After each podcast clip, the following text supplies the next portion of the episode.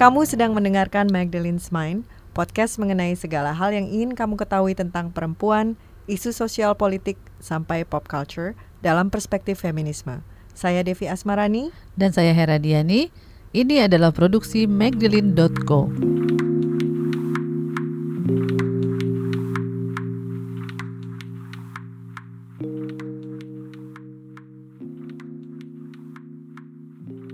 feministas, balik lagi bersama kami di Magdalene's Mind. Di episode kali ini kita bakal ngomongin tentang kepemimpinan perempuan. Iya, ngomong-ngomong soal kepemimpinan perempuan, ada nggak role model lo uh, dari cerita fiksi atau pemimpin perempuan yang beneran di dunia nyata? Kalau gue sih ada beberapa. Salah satunya yang paling baru-baru ini gue sampai kagum adalah perdana menteri New Zealand Hmm. Jacinda Ardern. Ya, menurut gue dia hebat banget sih. Dan ketika terlihat yang paling terakhir waktu dia menangani kasus penembakan massal di Christchurch.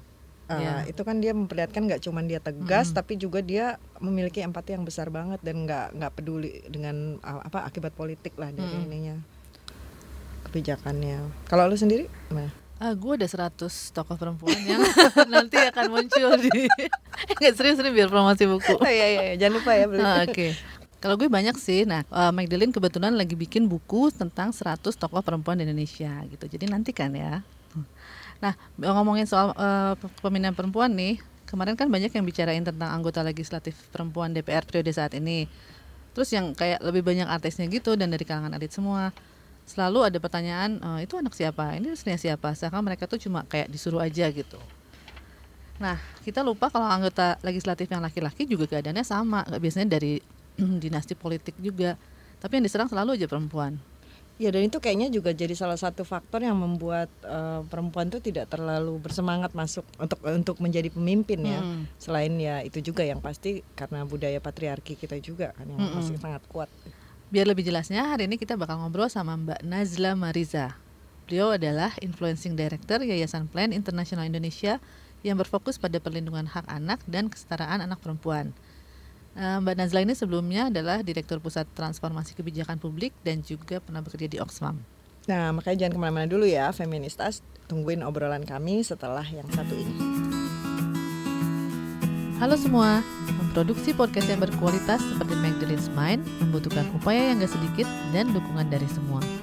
Untuk itu, kalau kamu pengen mendengar lebih banyak podcast yang menarik, informatif, dan membuka mata, kamu bisa berdonasi untuk Magdalene's Mind. Berapapun jumlahnya akan sangat kami hargai. Caranya bisa dilihat di Instagram at ID di bagian stories highlight atau di Facebook Magdalene Indonesia dan di Twitter at the underscore Magdalene. Magdalene's Mind adalah produksi media independen magdalene.co. Kembali lagi di Magdalene's Mind bersama saya dan Devi. Juga Mbak Nazla Mariza yang sudah bergabung dengan kita di studio. Halo Mbak, selamat datang di Halo. Magdalene's Mind. Ah, baru-baru ini kan Plan Internasional bersama dengan Gina Davis Institute membuat sebuah survei tentang potret kepemimpinan perempuan. Bisa dijelasin sedikit nggak tentang ini? Jadi ini surveinya ini survei tahap kedua.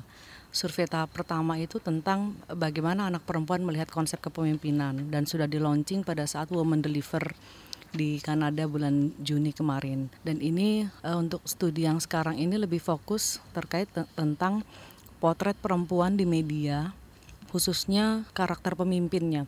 Jadi pemimpin perempuan di media itu seperti apa sih ditampilkan? Medianya di sini fokus pada industri film dan iklan. Dan kita ingin melihat sejauh apa sebenarnya apa yang ditampilkan di media itu berdampak pada bagaimana publik menilai perempuan dan menilai anak perempuan dan juga bagaimana anak perempuan mereka melihat dirinya sendiri berdasarkan apa yang mereka lihat di layar kaca. Eh, yang menarik sebenarnya eh, isu terkait potret perempuan di media kan sebenarnya sudah dari berdekade-dekade lalu ya. Dan dari temuan yang sekarang ternyata stereotip gender itu masih kental juga. Jadi perubahannya tidak terlalu signifikan dari hasil surveinya. Repres- representasi perempuan tadi seperti saya sampaikan dan eh, metodenya adalah ada eh, machine learning yang akan menghitung eh, seberapa sering perempuan muncul, seberapa sering perempuan bicara, kemudian karakter perempuan eh, pemimpin khususnya perempuan yang ditampilkan sebagai pemimpin eh, di film. Ada sekitar 56 film yang paling populer di tahun 2018 yang di yang menjadi uh, unit analisanya dari riset ini. Itu filmnya global. Iya, atau di- Film iya global. Hollywood atau apa? Eh, kebanyakan Hollywood. Kalau eh, kita lihat itu dari 56 film itu sekitar 69% Hollywood Oh, Oke oke. dan 11% Bo- Bollywood dan sisanya adalah memang eh, ngetren di negara di mana riset ini dilakukan.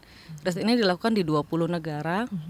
Jadi eh, kombinasi antara machine learning yang akan melihat dari eh, tampilan di film-film tersebut plus analisa dari expert dari Plan dan juga Gina Davis plus yang menarik adalah ada 10.000 anak perempuan usia 15 sampai 24 di 20 di 20 negara ini yang dilibatkan mereka diminta untuk melihat film-film tersebut dan kemudian memberikan opininya. Sangat menarik bagaimana kita melihat suara suara anak perempuannya ya. Dan eh, ada quote-quote menarik sebenarnya yang yang ada di riset ini mungkin kalau bisa di-download di website kita. Dari eh, dan sayangnya negara ini 20 tidak ada Indonesianya, tapi kita sendiri kita melakukan online polling di Indonesia. Kita coba untuk melihat bagaimana eh, eh, anak muda juga melihat eh, perempuan dan laki-laki ditampilkan.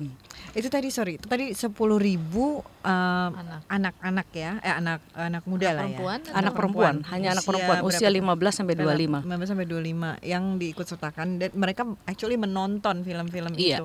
Berarti iya. ini kan kontrol ini ya, studies gitu Iya, ya. Artinya betul. bukan orang-orang yang sudah pernah menonton tapi memang diekspos ke film-film Iya. itu gitu. Dan anak perempuan ini adalah em, pemilihan 20 negaranya adalah memang negara-negara di mana plan bekerja dan juga anak perempuan ini yang pernah pernah berinteraksi. Artinya mereka sudah punya basic knowledge juga terkait dengan eh, isu gender seperti itu. Jadi ketika mereka melihat mereka juga menganalisanya berdasarkan perspektif itu. Seperti itu. Terus jadi gimana tuh teman-teman yang menarik? Tadi kan Mbak Najla bilang stereotip masih kental. iya. Padahal sudah berdekade dekade lamanya. Iya, yang dilihat di film itu adalah eh, kemunculan, kemudian juga eh, perempuan diasosiasikan seperti apa, eh, karakter pemimpinnya, kemudian sejauh apa misalnya secara fisik eh, pakaiannya terbuka antara yang laki-laki dengan perempuan, kemudian apakah setengah bugil bahkan se- setengah telanjang. Eh, hasilnya itu menarik sekali. Jadi kalau temuan secara general ya, ternyata anak memang terinspirasi dari tokoh yang dia tampilkan. Bahkan Gina Davisnya sendiri bilang bahwa memang film itu sangat sangat sangat mempengaruhi dan sangat menginspirasi anak-anak yang menonton. Dan mereka cenderung ingin melihat sosok yang m- mereka cenderung ingin, ingin melihat cerminnya mereka sendiri. Jadi misalnya kalau dari survei itu ternyata mereka suka misalnya tokohnya Hermione Harry Potter. Itu tokohnya bagus. Tapi kenapa itu tidak menjadi tokoh utama? Gitu itu eh, itu yang jadi pertanyaan mereka. Perempuan seakan-akan selalu jadi selalu jadi tokoh. Sidekick ya. ya jadi walaupun dia muncul tapi pasti ada laki-laki yang kemudian itu lebih lebih membuat keputusan lebih lebih mendominasi. Menjalankan plotnya lah ya. betul betul. Terus kemudian eh, menariknya pemimpin perempuan tidak diperlakukan lebih baik seperti bagaimana pemimpin laki-laki. Hmm. Nah, tidak baiknya ini misalnya ada objektifikasi, komodifikasi terkait tubuhnya seperti itu. Bisa ada satu contoh nggak sih yang tentang pemimpin perempuan ini? Mungkin eh, saya sharing datanya. Jadi kalau dari eh, pemimpin perempuan itu eh, perempuan lima kali lebih sering dilecehkan secara Di seksual. Ya. Di dalam film Iya ini. di dalam film. Jadi tapi perempuannya bukan perempuan yang hanya perempuan yang muncul ya, tapi so- perempuan yang leading role. Jadi bukan yang figuran, bukan yang tapi memang yang leading role. Laki-lakinya juga. Itu lima kali perempuan lebih sering dilecehkan. Dilecehkan artinya misalnya eh, baik itu oleh kamera atau oleh sama karakter lain di film itu. Misalnya gitu ya. Betul, misalnya kalau di kamera tuh eh, di zoom misalnya Hmm, bibirnya, terus misalnya Iya, mungkin iya. mungkin payudaranya, terus tubuhnya ketika dia jalan meliak-liuk itu Hmm. slow motion Iya. gitu. Ya, ya. Terus belahannya mungkin itu yang eh, apa? Dia lima kali lebih sering eh, perempuan yang leading role female-nya daripada yang leading role male-nya untuk ditampilkan ketubuhannya.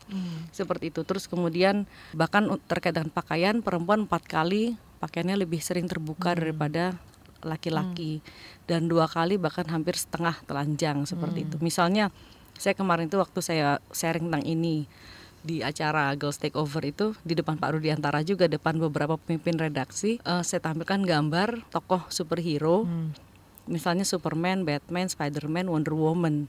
Wonder Woman juga superhero tapi tubuhnya Iya. lebih kelihatan. Jadi pakaiannya lebih terbuka. Sina the warrior juga. Nah, itu yang Wonder Woman Eh, semuanya deh. eh, eh, kenapa sih seperti itu gitu. Sementara laki-laki yang ditampilkan lebih ke karakter apa namanya? Catwoman.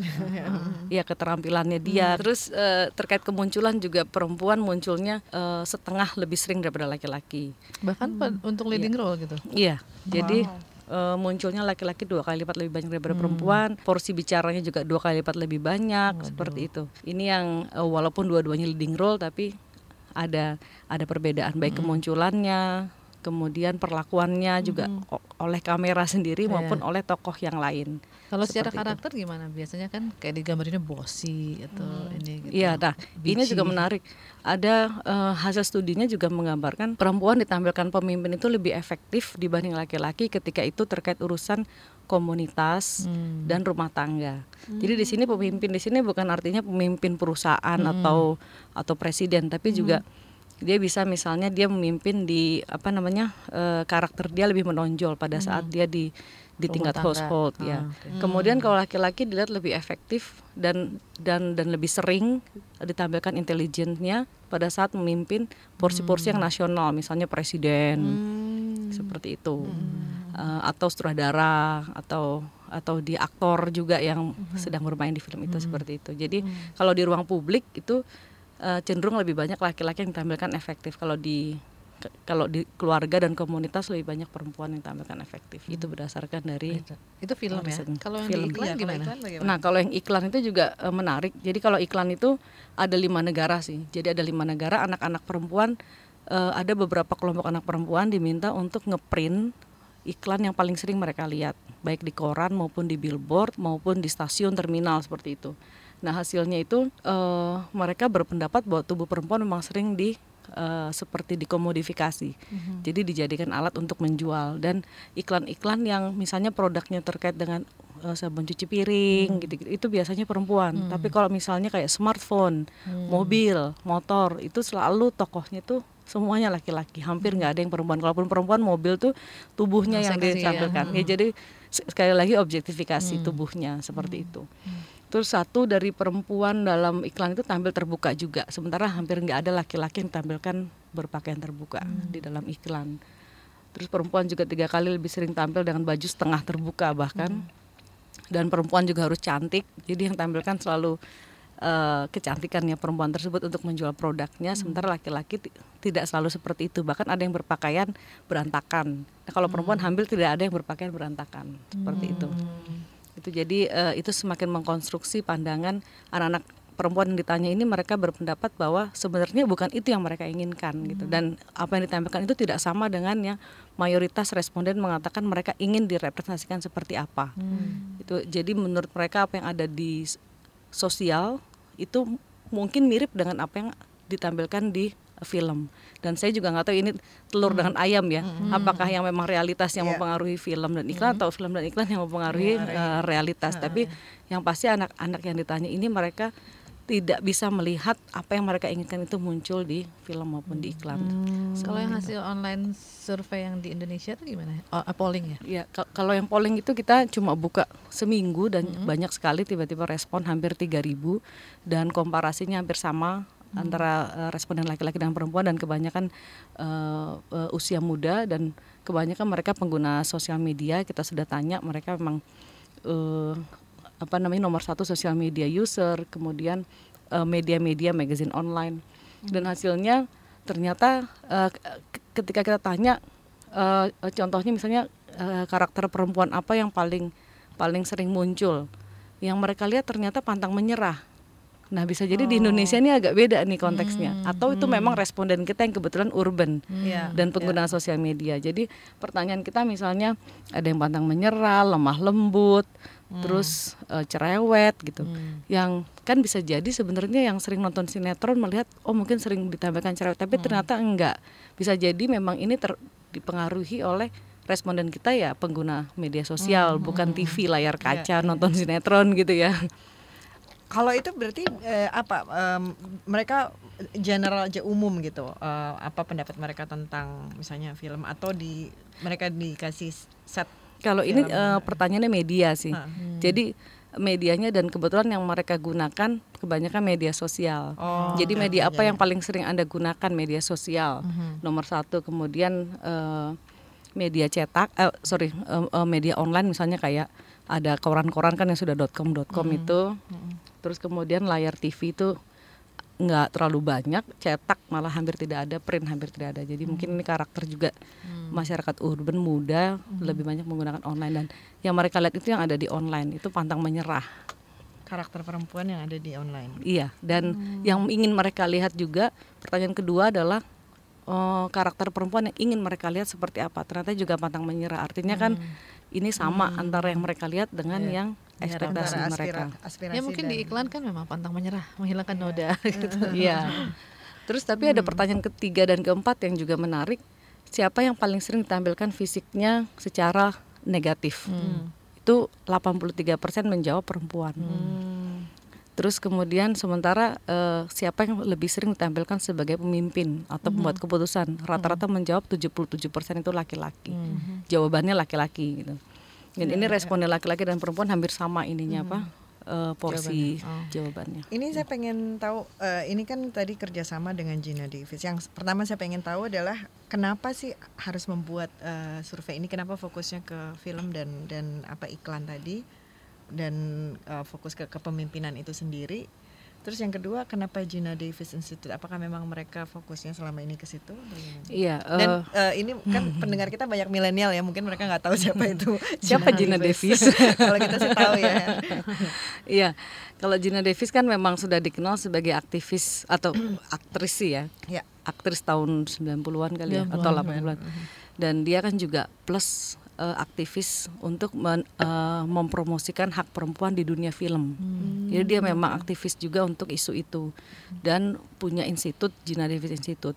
Dan memang rutin melakukan riset-riset seperti ini. Dan plan bermitra karena eh, ini plan global ya yang yang bermitra karena melihat memang eh, institut ini memfokus untuk mendorong promosi eh, hak perempuan dan suara-suara yang lebih positif, representasi yang yang yang lebih positif di ruang publik khususnya melalui media. Dan sangat sejalan dengan eh, value-nya atau visinya plan.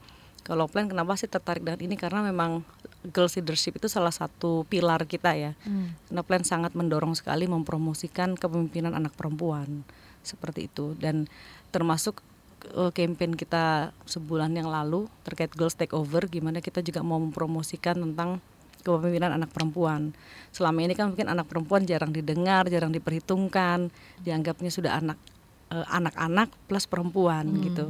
Nah, ini bagaimana kita ingin mengubah tone itu sebenarnya. Jadi anak perempuan itu 18 tahun ke bawah gitu ya atau masih masuk ke atas juga? Kalau di plan kita girls dan juga young women Oke, juga. jadi sampai, ke 25 tahun 25, tadi. ya. Oke, oke. Iya. I- Kita pengen lebih ngomongin lagi tentang kepemimpinan perempuan dan anak perempuan, tapi mungkin kita break dulu sebentar ya. Kembali lagi di Magdalene's Mind, Um, Mbak. Saya mau balik lagi tadi ke pertanyaan eh, ke pernyataan Mbak sebelumnya bahwa um, lagi sedang mendukung kepemimpinan anak perempuan. Eh, sebenarnya kan kalau kita melihat eh, paling tidak sudah ada peningkatan lah akses eh, ke pendidikan dan pekerjaan untuk perempuan dan anak perempuan yang saat ini ya. Tapi sebenarnya apa sih hambatan utama bagi mereka untuk eh, menjadi pemimpin? Menjadi pemimpin. Eh, tentunya kita juga oke walaupun sudah banyak perubahan ya, mungkin itu banyak di masyarakat urban. Tapi kalau di rural eh, sistem patriarki, budaya patriarki masih sangat eh, kental sekali. Jadi itu menurut saya yang menjadi dasar atau basic yang sangat eh, berakar berurat gitu ya. Nah itu eh, sistem patriarki ini kan berdampak juga ke norma dan bagaimana perspektif masyarakat melihat eh, anak perempuan dan bahkan ini mempengaruhi juga bagaimana anak perempuan memahami tentang haknya. Eh, plan kan bekerja di berbagai layer ya satu di kebijakan, kebijakan juga banyak yang belum pro ter- eh, untuk mempromosikan eh, eh, apa namanya eh, positioning perempuan. Misalnya kita bicara kuota itu kan lebih kuota angka, tapi secara kualitas bagaimana gitu. Apakah ini hanya formalitas? Nah, eh, dari segi kebijakan dan juga sampai ke norma di komunitas, eh, keluarga bahkan ke individunya sendiri atau anak perempuannya sendiri. Nah ini kita melihat sebenarnya the norm atau behavior atau the way people see gitu atau uh, perspektifnya itu menjadi sangat tantangan. Sehingga kita coba untuk challenge the norm, challenge the behavior itu dan juga untuk mengasistensi anak-anak perempuan untuk paham haknya haknya mereka apa, hak untuk pendidikan bahwa perempuan dan laki-laki itu sama, equal. Dan bagian uh, misalnya kemarin itu waktu acara kita yang Girls Leadership Camp itu ada anak perempuan dari NTT dia bilang uh, di desa saya itu ada tradisi hanya boleh menyekolahkan satu anak saja di setiap keluarganya dan biasa dan itu hanya laki-laki. Jadi hanya satu anak. Kalau anaknya sembilan ya pokoknya hanya satu laki-laki. Nah ini kan artinya bagaimana uh, keluarga atau orang tua juga melihat itu. Kalau misalnya di Jakarta mungkin orang tidak melihat oh kayaknya udah equal equal aja. Nah mungkin kalau kita lihat masyarakat yang masih sangat apa namanya di rural area dan masih sangat patriarki sebenarnya sangat sangat sulit sekali untuk anak perempuan bahkan untuk pergi sekolah itu mendapatkan izin dari orang tuanya. Ini yang sebenarnya sangat sangat sangat berat. Nah, itu bagaimana kita coba untuk meng, uh, uh, membuat anak-anak juga sadar mengenai aware mengenai haknya dan mereka juga mau untuk apa namanya uh, memperjuangkan itu dan juga kepada orang tua plan juga bekerja untuk bagaimana meningkatkan awareness dari uh, parents ya orang tua bapak dan juga ibu. Jadi urusan anak bukan hanya urusan ibu tapi bapak juga. Nah ini yang sebenarnya kita coba untuk uh, uh, challenge uh, perspektifnya dan juga tokoh-tokoh agama tokoh-tokoh adat. Sehingga menurut saya dari segi kebijakan maupun norma itu dua hal yang sebenarnya bisa menjadi hambatan maupun peluang buat anak-anak untuk maju. Seperti itu sih. Nah di Indonesia sendiri kan baru-baru ini kita menyaksikan pergantian kepemimpinan ya dalam politik. Eh, di- ada pemilihan ketua DPR perempuan untuk pertama kalinya. Tapi pada saat yang sama ada pengurangan jumlah menteri perempuan sampai setengahnya di kabinet. Nah, gimana plan internasional ngelihat eh, representasi perempuan dalam politik di Indonesia saat ini? Terus gimana sih kita bisa meningkatkan hal tersebut? iya Kayak kan dulu udah 30% nih kuota tapi masih belum Iya. terwujud juga. sebenarnya kan dasar pemikiran ini kan kalau kita tarik ke belakang kan eh, PBB pernah mengeluarkan data katanya eh, ketika terpenuhinya kuota 30% lah baru memungkinkan terjadi suatu perubahan. Maksud, maksudnya 30% eh, perempuan eh, minimal. Nah, ini eh, dan saya sebenarnya mengapresiasi pemerintah Indonesia yang mulai membuat yang sudah punya regulasi untuk memastikan adanya eh, kuota itu. Namun implementasinya tentu kita semua tahu bahwa masih sangat sulit sekali. Bahkan misalnya sudah ada kebijakan yang eh, memastikan setiap partai harus ada eh, calegnya minimal 30%. Terus kemudian syarat pendirian partai bahwa pengurusnya minimal 30% perempuan seperti itu. Nah, ini eh, kalau kita lihat data misalnya dari pemilu dari tahun 99, 2004, 2009, 2014 sampai kemarin angkanya naik terus sebenarnya. Kalau dari 2000 dari 99 kan cuma 8 8 persenan. Terus sampai kalau nggak salah 2009 2014 itu 17 persenan dan kemarin sampai 20 persen walaupun belum sampai 30 persen. Ini anggota legislatif ya? Iya, iya. Nah kalau eh, menteri juga kemarin eh, yang sebelumnya mungkin yang paling tinggi ya Sembilan. sampai sembilan bahkan melebihi negara-negara maju lainnya. Tapi kalau saya melihat sebenarnya ini kan hanya angka. Nah, apakah diiringi dengan kualitas? Apakah diiringi dengan perspektif yang memang sudah benar-benar memahami eh, tantangan atau ketimpangan gender seperti apa? Apakah sudah memahami bagaimana empowering women and girls itu pentingnya seperti apa dan caranya bagaimana? Itu yang mungkin belum tentu semuanya memiliki itu. Apalagi misalnya bicara di kabinet dan juga di parlemen, apalagi pembuatan keputusan ya. Kalau di parlemen itu kan juga pertarungannya ada relasi kuasa antar anggota parlemen.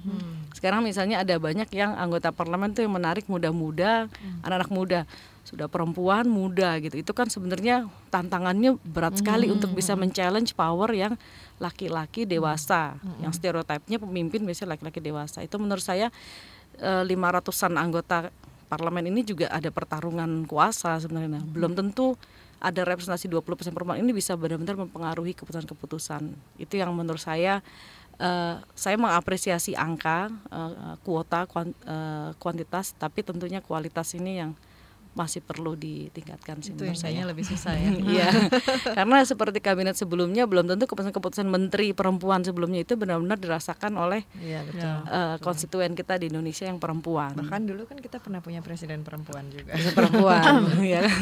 Sekarang eh, ketua DPR-nya perempuan. Eh, nah ngomongin soal itu, em, salah satu inisiatif dari Plan Internasional kan uh, di Indonesia dalam mendorong anak perempuan untuk berani menjadi pemimpin lewat itu tadi yang uh, apa inisiatif Girls Take Over ya. Iya. Ini dilakukan di beberapa daerah di Indonesia ya sepertinya. Uh, ya kalau kemarin kita di dua provinsi. Oke. Ya ini sebenarnya salah uh, kalau menyambung dengan tadi uh, leadership ya.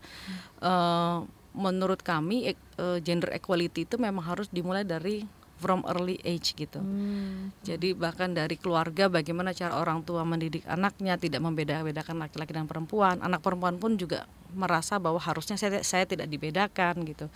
Dan ti, uh, tidak selalu leader itu menjadi political leader gitu Ya, kan ya. Nah, kalau uh, program girls leadership kita salah satunya memang uh, jadi plan itu punya kampanye global namanya Girls Get Equal.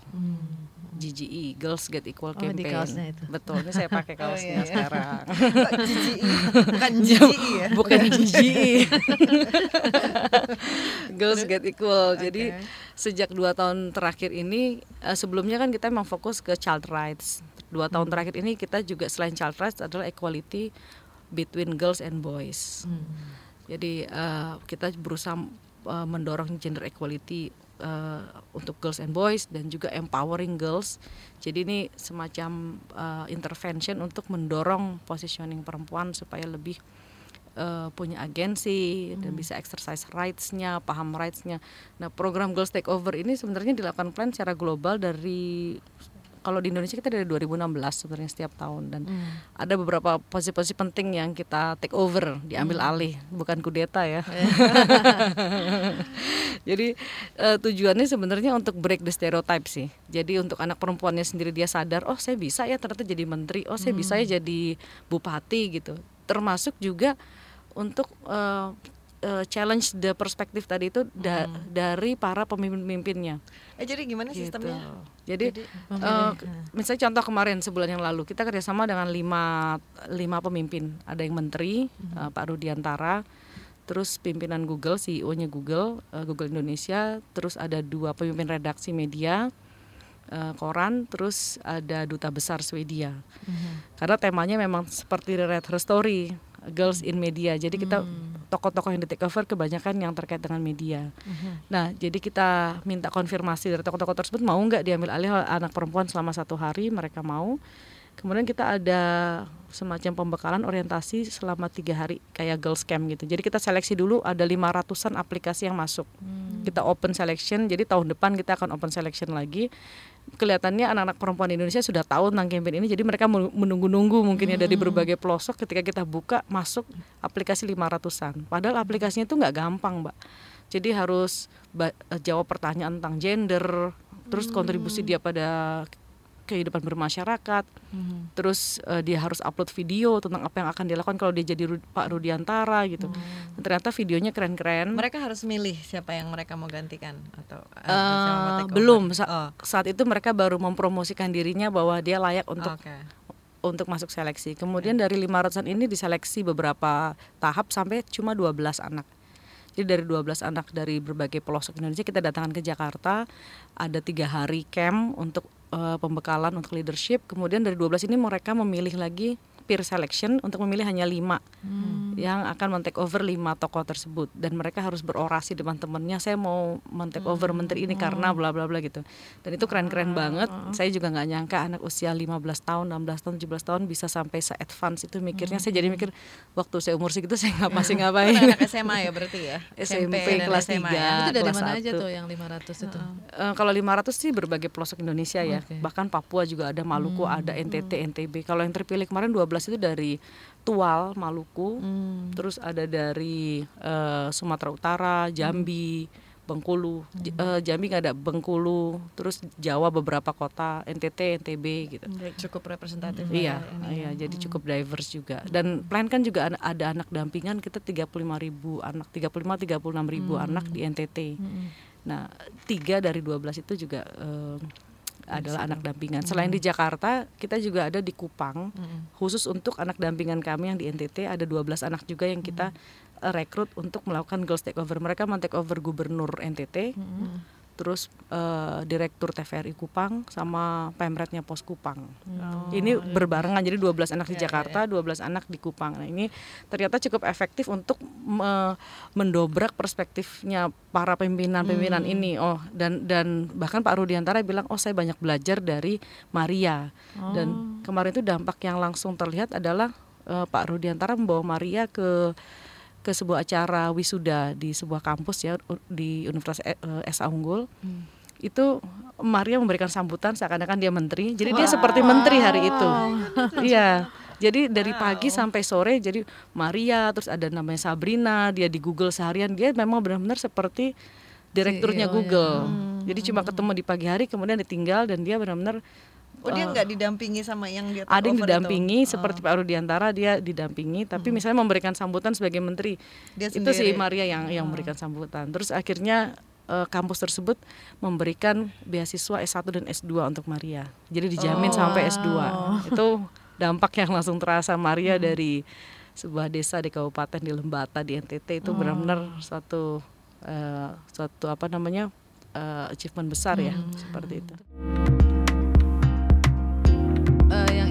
ini katanya udah mulai aware sama program ini. Cuma apa pendapat mereka tentang kepemimpinan perempuan? Apakah ada yang mereka maksudnya ada yang baru mereka dapatkan atau insight Karena apa? para para tokoh-tokoh itu Mm-mm, si anak-anak. Eh, ada yang sudah oh, eh, kalau tokonya ada yang sudah aware bahwa memang sudah menerapkan itu di mulai di institusinya kalau anak-anaknya mereka eh, berbeda-beda tapi kebanyakan eh, mereka merasa bahwa memang eh, confidence-nya jauh meningkat Hmm. dan mereka merasa bahwa ini sangat aspiring bahwa mereka ternyata saya juga bisa menjadi leader yang yang awalnya mungkin nggak pede masa saya bisa sih jadi ini gitu dan pertama-tama waktu saya lihat beraktivitas di kantor Google misalnya mungkin awal-awal tuh masih masih seakan-akan seperti tamu yang berkunjung tapi lama-lama dia udah mulai bisa Oke, coba update ke saya ini. Coba kamu gini gitu. Itu dia, ya, jadi dia udah mulai bisa bersikap seperti pemimpin. Itu yang Itu eh, sehari berarti ya? itu sehari, sehari. Saya dengar ada sesuatu kayak salah satunya ke Jakarta Post ya menjadi jadi Iya. editor ya. Iya. Katanya ada mempengaruhi polusi. Iya. eh, ya. eh, Iya, itu bagus juga editorial karena plan-nya hari itu kalau nggak salah. Betul, dia minta diganti jadi ada kayak display gitu, eh, manekinnya perempuan, terus dia bilang, terus agak terbuka gitu, terus dia bilang ini kenapa sih ini kan se- sebenarnya eh, eh, gambar sih, sebenarnya kan banyak gambar yang lain, terus dia sampai ke desk yang yang Foto, punya foto-foto, foto. ini ini banyak, ini banyak, ini diganti, oh ya, terus sampai akhirnya managing editor mikir, oh iya juga ya gitu, Yeay. Terus dia bilang "Eh, ini kan dirayakan eh, ini kan diselenggarakan dalam rangka Hari Anak Perempuan Internasional 11 Oktober.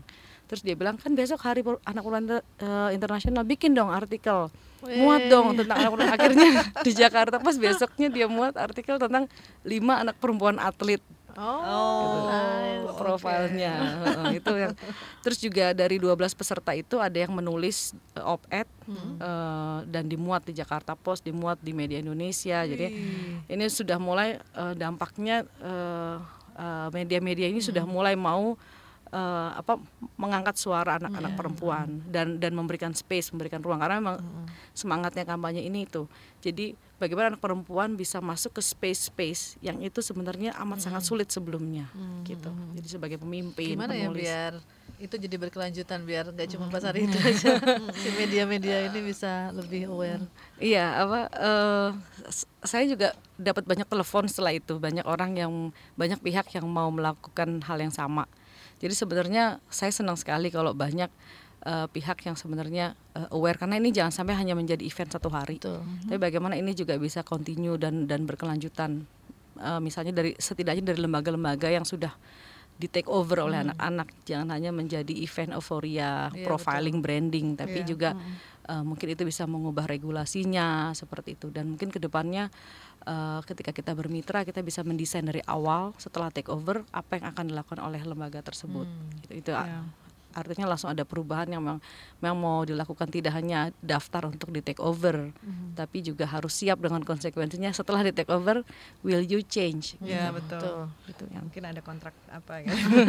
kontrak politik. karena sebenarnya udah banyak yang ngantri juga untuk take over ya Oke. Nah, iya sebenarnya kalau misalnya ada se- seorang anak perempuan ingin jadi pemimpin gitu, apa pun ininya ya di bidang apa pun, apa sih sarannya dari Plan Internasional? Ya, eh sebenarnya sarannya sih banyak ke pemerintah juga ke private sector juga Hmm, tapi seorang anak nih oh, eh, yang ke- punya aspirasi gitu. mungkin se- sebenarnya untuk anak perempuan siapa pun ya yang mungkin yang mendengar ini jangan pernah merasa berbeda dari anak laki-laki. Jangan pernah ah tapi kan saya perempuan ah tapi kan gini. Kalau mau jadi ketua osis jadilah ketua osis. Bertarunglah di situ ber, ber- berkompetisi lah karena semua sama dan setiap manusia itu eh, equal. Ini yang mungkin eh, pemahaman itu yang setiap anak perempuan juga perlu eh, punya. Terus kemudian untuk keluarga karena sebenarnya anak perempuan kan nggak bisa juga berjuang sendirian Iya. tapi perlu disupport oleh uh, enabling environmentnya oleh oleh sistemnya. Jadi ibu jangan juga membeda-bedakan anak perempuan dan anak laki-laki. Anak perempuan juga bisa melakukan hal uh, yang seperti anak laki-laki lakukan kecuali misalnya uh, hal-hal yang terkait reproduktif ya. Misalnya melahirkan itu kan memang jelas berbeda. Terus eh, laki-laki pun juga jangan dibedakan gitu. Karena kalau bicara gender equality kan bukan cuma promoting girls tapi laki-laki misalnya mereka boleh loh merasakan perasaannya. Mereka boleh loh menjadi sensitif mereka boleh loh menangis. Ini yang kadang-kadang society kita tuh terlalu membedakan itu sehingga itu menjadi beban juga buat laki-laki jadi beban buat perempuan. Itu dan juga eh, kemarin waktu ngobrol dengan 12 anak ini juga mereka melihat selain mereka mendapatkan beban ganda ya misalnya harus mengasuh adiknya harus mengambil air kalau di NTT itu anak perempuan tuh punya peran untuk mengambil air yang jaraknya bisa sampai Iya, dua iya, jam iya, gitu. dan itu mengganggu mereka sekolah tapi juga laki-laki sampai laki-laki tidak punya keterampilan. Misalnya Iya, betul. keterampilan memasak ternyata mereka harus ngekos. Kemarin ada cerita menarik ada anak perempuan ih kakak saya itu lucu dia dia dia kan dari NTT itu kakak saya lucu dia kuliah di Jogja terus dia telepon saya setiap hari saya, saya- eh, ini saya mau masak tidak dia tuh bingung bagaimana akhirnya setiap hari dia jajan sementara uangnya kan nggak cukup. Iya, iya. ini yang bahkan anak perempuan itu yang ngomong ini menurut saya laki-laki juga harus diajarkan masuk dapur masak bagaimana Iya, bumbu betul. dapur seperti apa. Itu yang kasihan anak laki-lakinya karena tidak punya keterampilan seperti itu. Nah, ini sebenarnya pesan saya ke anak perempuan anak laki-laki dan juga mungkin untuk ke eh, orang tua. Ini yang Iya. benar-benar core sistem yang langsung bersentuhan dengan anak Iya, NTT itu masih sangat maskulin sih ya betul budayanya. betul betul Oke, itu. makasih banget. Ini obrolannya menarik banget dan jadi pengingat kita bahwa banyak banget PR-nya ya.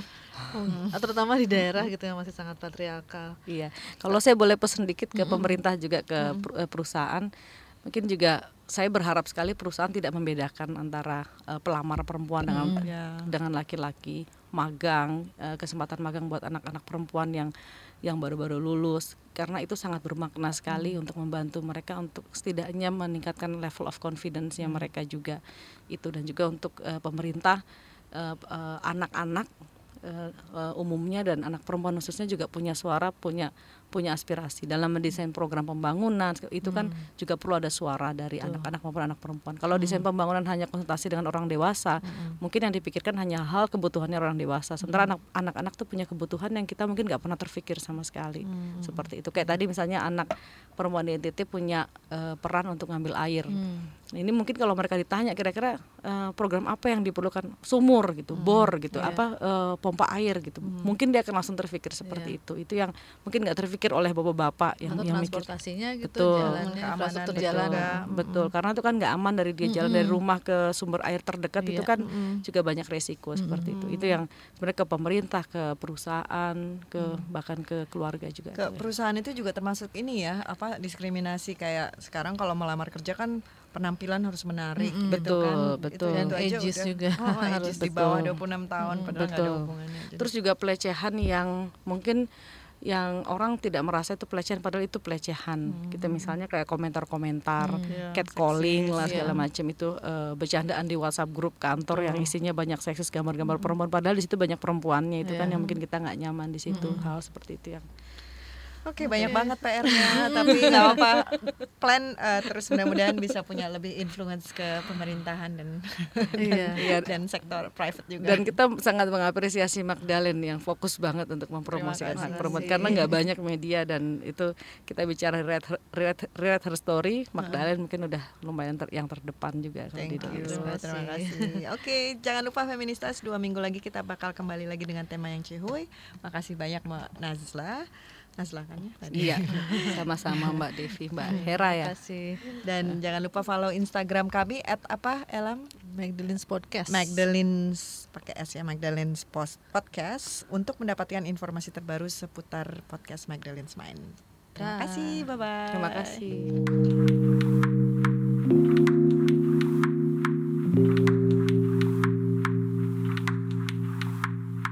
Magdalene's Mind direkam di studio kantor Berita Radio di Jakarta dan bisa didengarkan di aplikasi KBR Prime yang bisa diunduh di App Store dan Google Play. Follow kami juga di SoundCloud, Spotify, dan Castbox. Dipandu oleh Devi Asmarani dan Heradiani bersama produser Elma Adisha, Magdalene's Mind adalah produksi web magazine magdalene.co, a slanted guide to women and issues. We aim to engage, not alienate.